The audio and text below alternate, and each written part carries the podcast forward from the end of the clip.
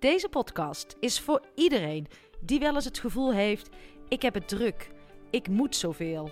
Of het nou op werkgebied is of op sociaal vlak, jij hebt het druk en je zou het heel graag anders willen, maar je weet niet goed hoe. Mijn naam is Ankie van Steen en ik help organisaties en iedereen die het nodig heeft om het nooit meer te druk te hebben en daardoor meer te bereiken. Wat is de impact van stilstaan en wat betekent dit voor jou of voor jouw organisatie? Wat zijn de effecten van het hebben van tijd en rust? Via mijn podcast deel ik heel graag toffe en inspirerende verhalen over wat het hebben van simpelweg tijd kan betekenen voor jouzelf, jouw persoonlijke ontwikkeling, je werk, relaties, opvoeding en nog heel veel meer. Van experts krijg je hele praktische tips en inzichten voor een nooit meer te druk leven. Zie deze podcast als één grote menukaart en kies het gerecht eruit wat bij jou past.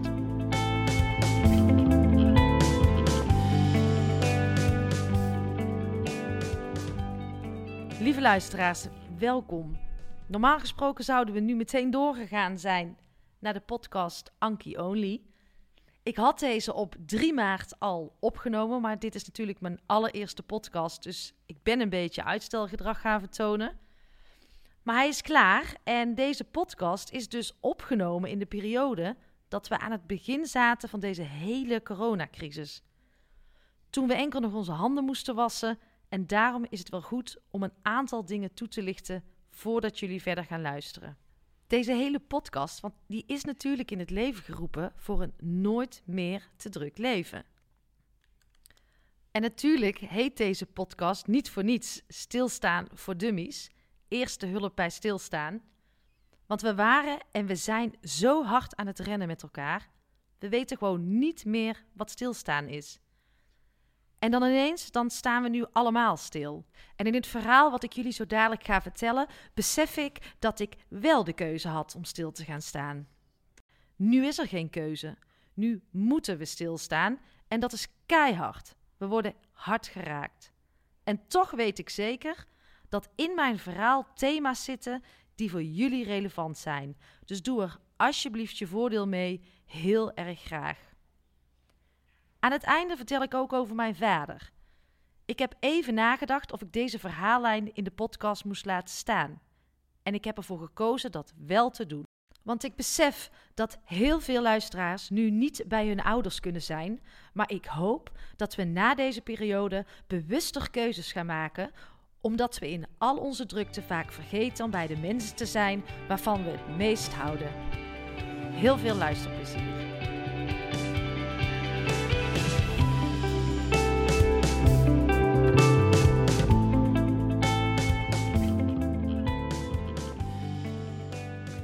Nou, welkom bij mijn uh, allereerste podcast Stilstaan voor Dummies en Rehab voor druktemakers. Deze allereerste podcast is een Anki Only, zodat jullie mij als luisteraar beter leren kennen. En in mij geeft het de kans om, om te oefenen, want elke expert is ooit een beginner geweest en ook ik dus. En naast deze podcast kunnen jullie mij natuurlijk ook volgen op Instagram. Apenstaartje Ankie van Steen. Nou ja, waar zal ik beginnen? Ik was er zo eentje hoor. Als iemand aan mij vroeg hoe gaat het, gaf ik altijd als standaard antwoord druk. Ik stond werkelijk op alle fronten aan, altijd. Het laatste half jaar van 2019 heb ik een sabbatical genomen. Nee, geen uh, mooie reis gedaan, geen 40 stempels in mijn paspoort van verschillende landen, maar gewoon in het dagelijks leventje ben ik even uit de trein gestapt om uit te zoomen. Geen burn-out, wat overigens wel heel vaak gedacht wordt. Um, er werd zelfs gezegd dat ik het maar een sabbatical noemde omdat ik geen werk had. En dan kom je erachter dat er toch wel een behoorlijk stigma op lijkt te zitten. Want even niets doen, dat is toch gek. Ik ben nu ruim acht jaar ondernemer. En ook bij mijn opdrachtgevers zie ik dat iedereen aan het rennen is. Niemand landt meer echt in een vergadering. We vliegen van de ene naar de andere vergadering. Het gaat enkel over inhoud en de mensen en het proces worden vergeten. En laat dat nou net de basis zijn voor beweging en verandering. Er is gewoon geen tijd. Nou, ik had dus niet verwacht dat mijn sabbatical mij zoveel inzichten zou gaan geven. Ik sta er soms gewoon echt nog van te kijken van what the fuck is er gebeurd. Iemand die altijd riep, en dat deed ik echt heel hard, ik ben geen thuiszitter, ik word onrustig van niets doen en noem maar op. En door simpelweg het nemen van tijd kwamen er zoveel mooie, mooie nieuwe inzichten. Ik ben ondernemer en ik besef mezelf ook hartstikke goed dat het niet voor iedereen is weggelegd om een half jaar verlof te nemen. En dat is dus nou juist een van de redenen waarom ik deze podcast tot stand is gekomen. Want ik wil heel graag mijn verhaal en alles wat ik geleerd heb delen. Want de sabbatical lijkt makkelijk en iedereen zei tegen mij: "Hey, veel plezier." Klopje op mijn schouder. En van binnen dacht ik vooral de eerste zes weken: ik ga kapot. Ik ben erachter gekomen dat druk doen veel veiliger is en ook veel eenvoudiger is dan even helemaal niets te doen. En ik denk dat het ook niet per se nodig is om een half jaar niet te werken om tot dezelfde inzichten te komen als ik. Ik denk, en ik ben echt van mening, dat er voor iedereen iets is weggelegd om keuzes te maken voor een minder druk leven. Zie dus al mijn inzichten en tips als een soort vliegwiel en gebruik wat voor jou relevant is. Zelf luister ik ook natuurlijk heel graag naar een podcast, anders begin je er ook niet aan. Um, wat ik daar zo leuk aan vind, is dat mensen open en eerlijk met elkaar in gesprek gaan. Ik kan er heel veel van leren. Ik word daar echt heel blij van. Um, daarnaast heeft het ook altijd een positieve lading. Je kan zelf kiezen wat bij je past. Er is nooit echt een agenda aanwezig. En nieuws daarentegen vind ik nogal sensatiegericht. Negativiteit wordt nogal uitvergroot. Ja, soms ook wel poten onder de stoelen van mensen weggezaagd. En je krijgt zoveel informatie binnen dat ik er eigenlijk weinig mee kan. En er is ook zoveel leed waar ik eigenlijk ook niks mee kan. En soms betrap ik mezelf erop dat ik allerlei nieuwsites aan het doorspitten ben. En achteraf denk ik, ja, wat moet ik met deze informatie? En als je dan toch zelf mag kiezen, en gelukkig mogen we heel veel zelf kiezen hier, dan luister ik liever naar iets waar ik blij van word en waar mijn, uh, waar mijn interesse gewoon ligt. En ik maak liever mijn eigen nieuws en verspreid dat dan heel graag. En daarom is deze podcast tot stand gekomen. Deze podcast heet Stilstaan voor Dummies. Wat bedoel ik eigenlijk met stilstaan? Dat, daar ben ik zelf nog niet helemaal achter of stilstaan wel het juiste woord is. Maar kort samengevat betekent het voor mij dat je soms even uitzoomt en kijkt waar je gewoon allemaal mee bezig bent. En dan kan je ook uh, lummeltijd noemen. Je kan, je kan jezelf resetten. Je kan het tijd voor jezelf noemen. Um, even opladen. Bewuster zijn. Meer aandacht hebben voor dingen om je heen. Stoppen met rennen. Ja, er zijn allerlei namen die het kan hebben. De essentie is volgens mij dat je even uitzoomt en kijkt wat je aan het doen bent.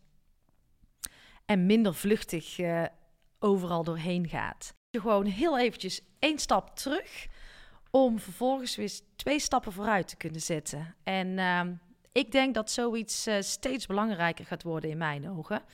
Want als ik om me heen kijk en dan kijk ik vooral naar mezelf. Ik was aan het rennen. Ik was heel hard aan het rennen. Ik was nogal gefocust op meer, groter, harder, sneller, de beste willen zijn. De allerbeste. En daar, is niks mis mee, maar ik vergat heel veel andere waardevolle dingen. Ik was heel erg gericht op wat er allemaal om me heen aan het gebeuren was en ik was niet gericht op mezelf. Nou, zoals jullie weten, vertelde ik net ook al, ik stond altijd aan. Vanaf het moment dat de wekker ging bij ons om kwart voor zeven tot elf uur als we naar bed gingen. En als ik geluk had, uh, kon ik uh, voordat ik ging slapen ook nog even verder denken. Elk stukje daartussen zat vol. En in ieder vrij moment had ik of mijn telefoon vast of de laptop. Ik was aan het sporten. Ik was altijd wel iets aan het doen. Het was meestal, nou ja, meestal, het was gewoon altijd gepland en georganiseerd. Mijn agenda zat werkelijk ramvol. Als we iets wilden plannen met vrienden, En dan was het bijvoorbeeld, uh, ja, nu is het maart, dat we pas eind mei met elkaar iets konden plannen. En ik werd daar steeds minder happy van, merkte ik. Elk weekend zat vol, elke dag zat vol. Spontane momenten, die waren er gewoon niet. Daar was gewoon geen ruimte voor. Ik rende echt van hot naar her. En ik zeg ook altijd, mijn boog stond altijd gespannen. En als metafoor gebruikte ik zo'n uh, elastiekje als ik daarover vertelde. En ik dacht, het hoeft maar, ja, er hoeft maar iets te gebeuren en dat elastiekje klapt. En bijvoorbeeld als de kids ziek waren. Ik weet nog zo goed, ja, gelukkig zijn onze kinderen niet heel vaak ziek. Maar als ze dan ziek waren, s ochtends, nou, dan was er een soort van... Uh, ik weet niet wat er dan bij mezelf ontstond, maar ik riep: nee, ik kan niet thuis blijven. En ik legde dat heel graag bij mijn man, want ik vond dat ik moest werken. Ik kon toch geen nee zeggen en ik moest naar mijn werk. En ik zocht daarvoor altijd wel een uitweg of een uh, oplossing, als ik maar niet thuis hoefde te zijn.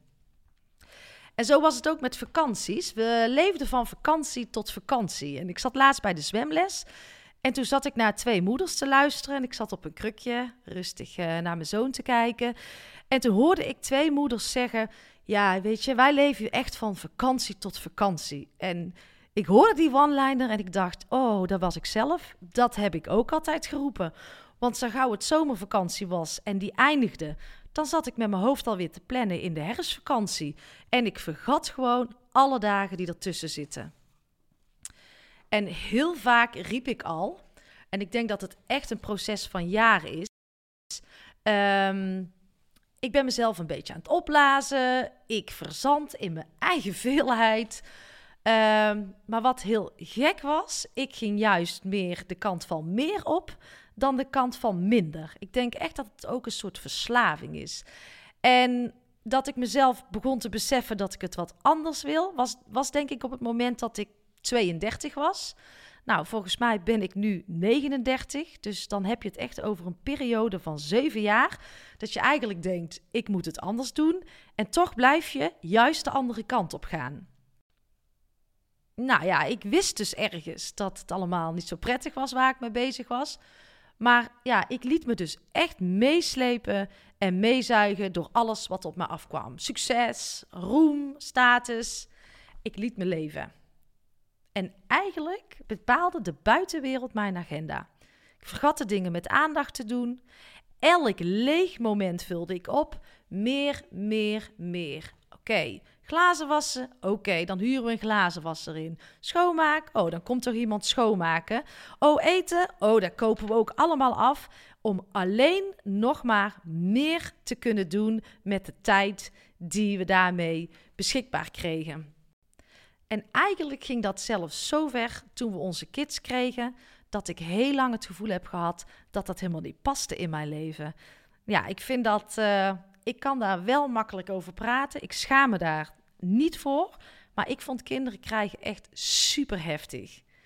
En je hebt het al zo druk, je wil nog zoveel. Dus kinderen doen we er ook maar even bij. Ja, dat gevoel heb ik lang gehad. En tuurlijk moeten we, weet je, voor iedereen is kinderen krijgen heftig. En ik denk dat dat sowieso de meest uh, impactvolle fase is in je leven. Of een van de meest impactvolle fases. Uh, en de ene startende ouder went natuurlijk sneller dan de ander. Maar ik gunde het mezelf gewoon niet om hier tijd voor te nemen. Mijn kids deken gewoon maar even bij, want we moeten weer door. En zij moesten gewoon mee in mijn haast. En aan mijn moeder heb ik wel eens gevraagd: Mama, waarom willen we toch allemaal kinderen? Dat is toch allemaal zo gek? Het past toch helemaal niet? Weet je, en constant dacht ik maar: er is nog zoveel te doen. Carrière, meer, groter, beter, sneller. Wat ik ook altijd super hard riep, en ik zie het mensen om me heen ook doen, die zeggen: Oh, laat mij maar werken, dat is veel relaxter. Ik ben niet zo iemand om thuis te zitten wow, ja, als ik thuis zit, laat mij maar bezig zijn. Want als ik thuis zit, dan uh, komen de muren op me af. Stilzitten kan ik niet hoor. Daar word ik onrustig van. Ik moet bezig zijn. En weer door. En wat ik ook altijd zei van, oh, ik ben niet zo moeder, moeder. En wat ik daar dan precies mee bedoelde, weet ik ook niet. Maar uh, ik had mezelf ergens wijsgemaakt dat thuiszitten niet kon. Want dan ben je zwakker, misschien wel lui. En dat is mijn overtuiging geweest, mijn gedachte, waarvan ik nu achteraf denk: wat een lulverhaal, Ank. Nou ja, mijn eerste inzicht over het effect van het hebben van tijd kwam eigenlijk in de zomer van 2017. Toen mijn man, mijn man Thijs en mijn twee kids, Tess en Gers, met de camper, uh, toen we met, met de camper naar Noorwegen gingen. Die droom die hadden we al heel lang. En daarom hadden we begin 2017 die camper ook al vastgelegd. En vanaf dat moment begon mijn man aan mij te vragen: zullen we niet eens een keer uh, gaan starten met de voorbereidingen voor deze fantastische reis? Ja, ik was toen volop bezig met mijn interimopdracht bij de Technische Universiteit Eindhoven. En ja, ik vond het absoluut niet nodig om aandacht te besteden aan die voorbereidingen. Tenminste, daar maakte ik mezelf wijs. Heel diep van binnen wist ik dat het moest, maar het lukte gewoon simpelweg niet om daar tijd voor te nemen en daarna te luisteren. Ik baggerde daar echt volledig overheen. En ik riep heel hard: Ah joh, we hebben toch Google? Dus we komen een heel eind in Noorwegen. En achteraf heb ik natuurlijk enorm spijt. Ik had dat heel graag anders gewild. En begin uh, augustus 2017 vertrokken we voor drie weken naar Noorwegen. En een dag van tevoren realiseerde ik me dat ik misschien toch wel wat lange broeken mee moest nemen. En toen ben ik even naar de stad gegaan om een joggingbroek te halen. En ja, dat ik uiteindelijk drie weken in die broek heb gelopen, dat wist ik toen nog niet. Uh, het heeft namelijk drie weken fulltime geregend. Nou, kan natuurlijk allemaal uh, in Noorwegen, maar ik was er niet op voorbereid. En dan in een camper. Ik heb die vakantievloek getierd. Ik werd helemaal gek. Ik verveelde me enorm. Ik voelde me nutteloos. En achteraf weet ik het zeker. Het was de eerste keer dat ik verplicht drie weken rust en tijd had. Het was wel verplicht om na te denken. En ik had uiteindelijk uh, van pure ellende ben ik gaan schrijven. En, eh, en dat A4'tje heb ik er laatst uh, weer bijgepakt. En er stond, stond een aantal dingen op. Zo wilde ik fitter worden. Kijken wat de combinatie van uh, beweging en voeding met mij zou doen. Ik wilde ook in de ochtenden gaan sporten, dus veel meer naar een vaste routine toe. En op dat lijstje stond ook dat ik nieuwe mensen wil blijven ontmoeten, geïnspireerd blijven. Nou, dat is iets wat ik nog steeds super belangrijk vind. En toen stond er ook al op dat ik in 2018 een sabbatical van een maand zou gaan nemen. Nou, dat is me in 2018 niet gelukt.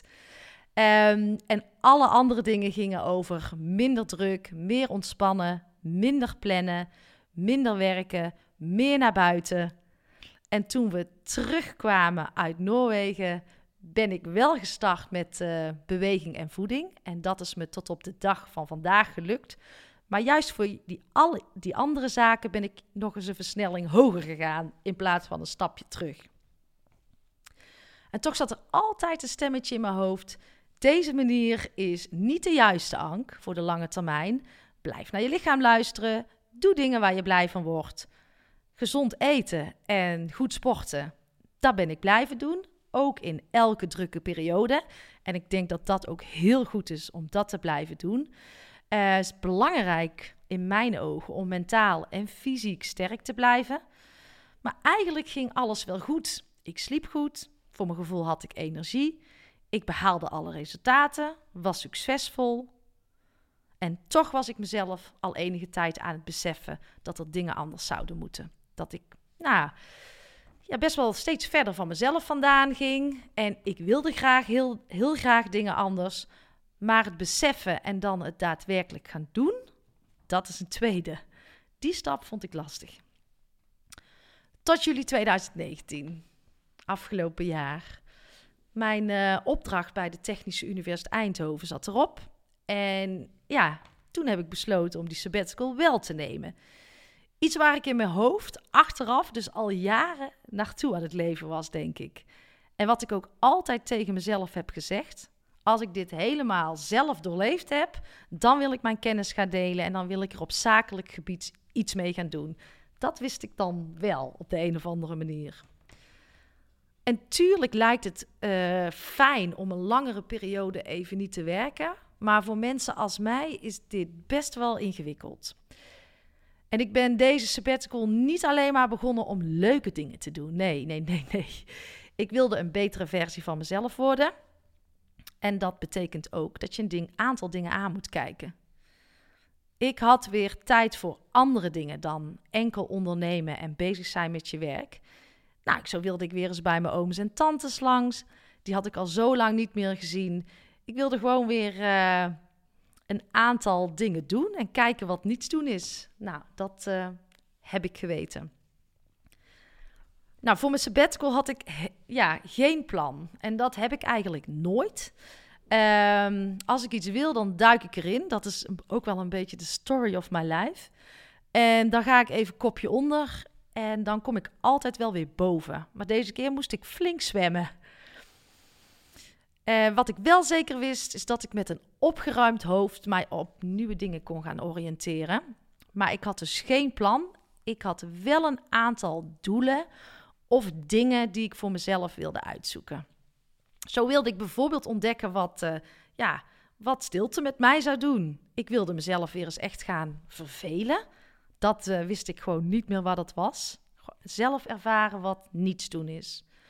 En ik wilde ook heel rustig nadenken over mijn volgende stap, over mijn bedrijf. En dat wilde ik al heel lang, maar dat lukte me gewoon niet in alle drukte. Want met een vol hoofd is er gewoon geen ruimte voor vernieuwing, geen ruimte voor verandering. En wat ik zeker wist, is dat ik op een positie wilde komen waar ik het verschil kon maken, waar ik van betekenis kon zijn en dingen in beweging kon zetten. En wat ik ook heel belangrijk vond, ik vind het belangrijk om dicht bij mezelf te blijven. En dat gevoel had ik al een tijdje niet meer. Nou, waar ik dus ook van af wilde, is dat ik um, mezelf had wijsgemaakt dat ik altijd maar hard moest werken. Status, aanzien, uh, meer, meer. Ik wilde gewoon gaan leren om uit te gaan staan. En dat het ook goed is als je even niet altijd maar aan het werk bent. Um, daarnaast wilde ik ook een aantal patronen van mezelf opruimen. Ik was heel erg gecontroleerd. Ik was dingen soms aan het overanalyseren en aan het overdenken. En ook dat soort dingen dacht ik, nou, als ik dan toch een halfjaartje vrij heb, dan ga ik dat ook opruimen voor mezelf. Meer in het moment zijn, gewoon met aandacht er zijn. Ik was nergens echt aanwezig. Ik wilde een betere werk-privé-balans. Dat was nogal door elkaar verweven de laatste tijd. Een moeder zijn met aandacht. En gewoon weer tijd hebben om nieuwe dingen uit te proberen. Af en toe even uit je comfortzone gaan. Beetje lummelen. Experimenteren. Daar had ik zin in. Nou, een van mijn conclusies was dat de moeilijkste opdrachtgever van, de af, van alle jaren dat ik onderneem, ben ik zelf geweest. De eerste periode was werkelijk waar killing. Ik voelde me kwetsbaar, stuurloos, onrustig. Ik heb mezelf ook schuldig gevoeld. En het leek, het leek echt wel afkicken. Want al mijn dopamine shots waren weg. En ik voelde me helemaal niets meer. De hardwerkende Ankie met een mooie baan, ja, die was er niet meer. Nou, ik leek zelfs wel depressief. En iedereen zei: Hey Ank, veel plezier. Nou, wat ook heel veel mensen vroegen, en had ik het net al over gehad: van, oh, heb je een burn-out? Ik zeg nee. Ik had het gevoel dat ik me best wel moest verdedigen. Ik wil gewoon even niet meer rennen en, uh, en meedoen aan die red race. Maar waar ik ook achter kwam, is dat ik leegte al heel snel op ging vullen met weer heel veel. Zo had ik, uh, ik was vier weken onderweg en toen had ik met mijn mastermind clubje een avondje sparring. En toen was, had ik daar alweer zo'n groot plan liggen. Totdat een van die meiden zei, of misschien of allemaal zeiden ze het volgens mij, Ank, waar ben je mee bezig? Je hebt een sabbatical, hè? Je hoeft niks. En toen merkte ik hoe hardnekkig het patroon is dat je dus meteen die leegte weer invult met veel. Het is gewoon echt een verslaving. Nou, waar ik ook achter kwam dat ik ook nog blijk te kunnen voelen, in plaats van alleen maar alles vanuit mijn hoofd te doen. Ik ben een aardige en rustigere moeder geworden. En uiteindelijk uh, ging ik toch af en toe om half vier, als de kinderen uit waren, ging ik stiekem, betrapte ik mezelf erop. Dan ging ik bij het raam zitten om heel even die gezichtjes te zien van, uh, van de kinderen als ze op het fietsje thuis kwamen. En ik merkte toch wel dat die momentjes, dat als ze thuiskomen uit school en dat ze dan in dingen in enthousiasme hun dingen vertellen, dat ik die toch wel super waardevol uh, vond. En ik luisterde daarna in plaats van dat ik daar altijd aan voorbij ben gegaan. Nou, ik had ook weer tijd uh, om te lummelen. En als je tijd hebt, dan kun je gewoon dingen uit gaan proberen. Je kunt je nieuwsgierigheid weer een beetje achterna gaan. En zo kun je er ook weer achter komen wat je volgens mij echt leuk vindt. Um, zo was ik bijvoorbeeld ook nog met een. Um, met een mastermind vriendinnetje was ik, eh, die heeft een cateringbedrijf en zij had een trouwerij. En vroeger, ik heb vroeger de hotelschool gedaan, dus ze zei, wil je meehelpen met, uh, met de catering? Nou, en meteen zei ik, oh ja, leuk. En um, nou, zo gezegd, zo gedaan. Op een zaterdagmiddag hebben wij een bruiloft verzorgd. En toen ik thuis kwam, zei ik tegen mijn man: Oh, dit vond ik echt waanzinnig leuk om te doen. Weer die gastvrijheid, voor mensen iets betekenen, zorg dat ze een fijne dag hebben, een beetje met uh, eten en drinken bezig zijn. En vanuit dat enthousiasme ontstond het idee om ons huis 15 keer per jaar te gaan verhuren als vergaderlocatie. Zie het als een soort uh, Airbnb, maar dan voor vergaderen. En dan is onze gehele tuin en benedenverdieping beschikbaar voor jouw organisatie uh, om te kunnen vergaderen. Dus mocht je het leuk vinden, neem gerust een kijkje op, uh, op mijn site en dan zien we je vast een keer hier. En wat ook nog een mooie bijkomstigheid was. Nou ja, ik vond hem prachtig. Ik denk dat mijn vader hem in het begin niet zo mooi vond. Mijn vader brak zijn been halverwege mijn sabbatical. Hij wilde over een draadje heen stappen en tilde zijn achterste been niet goed op. En uh, had een gecompliceerde beenbreuk. Kon zes weken helemaal niks. En ik kon daardoor zes weken mantelzorger zijn. Ik kon zes weken bij hem zijn, fulltime zorgen uh, met aandacht. En dat vond ik echt zo waanzinnig. We hebben zulke mooie gesprekken gehad. En onze band is daardoor zoveel sterker geworden. Iets waar ik normaal echt zeker als ik zou werken geen tijd voor zou nemen. Mezelf geen tijd zou gunnen. Maar uh, dit was een mooi cadeautje. En dat pakken ze mij nooit meer af. Um, ja, het is eigenlijk toch wel heel bizar dat we ons wijs blijven maken dat druk doen de norm is. En dat stilstaan niets voor ons is en achteruitgang is. Dat zegt iets, jongens. Dat zegt iets over ons. Ik had ook allerlei overtuigingen bij mezelf ontwikkeld en die eigenlijk helemaal niet van mij waren. Ik was te veel bezig met veel meer status, de beste zijn, groter, hard werken, veel geld verdienen, want dan doe je mee. Ik zat zo in mijn hoofd en eigenlijk ging alles vanuit mijn verstand, dag in dag uit. Je gevoel en je intuïtie sla je eigenlijk over. En ik wist gewoon helemaal niet meer hoe ik daarna moest luisteren. Die had ik gewoon helemaal uitgeschakeld. Niet lullen, maar poetsen en door, want tijd is geld. En als ik heel eerlijk, eerlijk ben, heb ik de afgelopen periode nog nooit zoveel diep intense geluksmomentjes gehad. Gewoon omdat ik er met mijn volle aandacht bij ben. Ik heb, voel onwijs veel rust van binnen. En dat merk ik aan mezelf. Dat voel ik aan mijn kinderen. Zij zijn veel relaxer. Want ik denk toch echt dat je kinderen een spiegel zijn van jezelf. En ik weet zeker dat ik een fijnere partner ben. Al verafschuwde Thijs mij aan het begin van mijn sabbatical. Toen zei hij, ga jij maar weer snel werken. Maar we staan waar we staan en spijt hebben vind ik iets nutteloos. Uh, het heeft me natuurlijk ook gebracht waar we nu staan. Maar soms denk ik wel eens, en daar ben ik heel eerlijk in, de afgelopen tien jaar heb ik uit mijn handen laten glippen. Ik heb veel bereikt.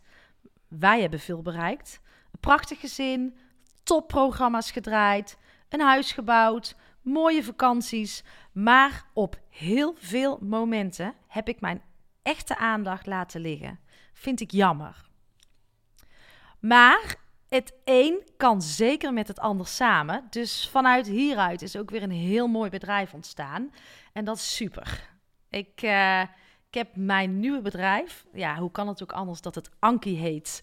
Om mij heen gebouwd. Om de dingen die ik leuk vind, waar ik blij van word. En niet meer andersom. En Wat ik ook zeker weet is dat een mooie carrière samen kan met een minder druk leven met meer aandacht. Nou, dat was hem dan. Mijn aller, allereerste podcast. Dank jullie wel voor het luisteren. Wil je nou meer over mij weten? Kijk dan op mijn website www.ankievansteen.nl of volg mij op Instagram gewoon onder de naam Ankie van Steen. En wil je nou een keertje sparren? Of kan ik iets betekenen voor jou of voor jouw organisatie? Of ben jij zelf op zoek naar een stukje coaching? Laat het me dan vooral weten. Ik help je graag. De rode draad in mijn verhaal is wat het effect is van het hebben van tijd. Tot de volgende podcast.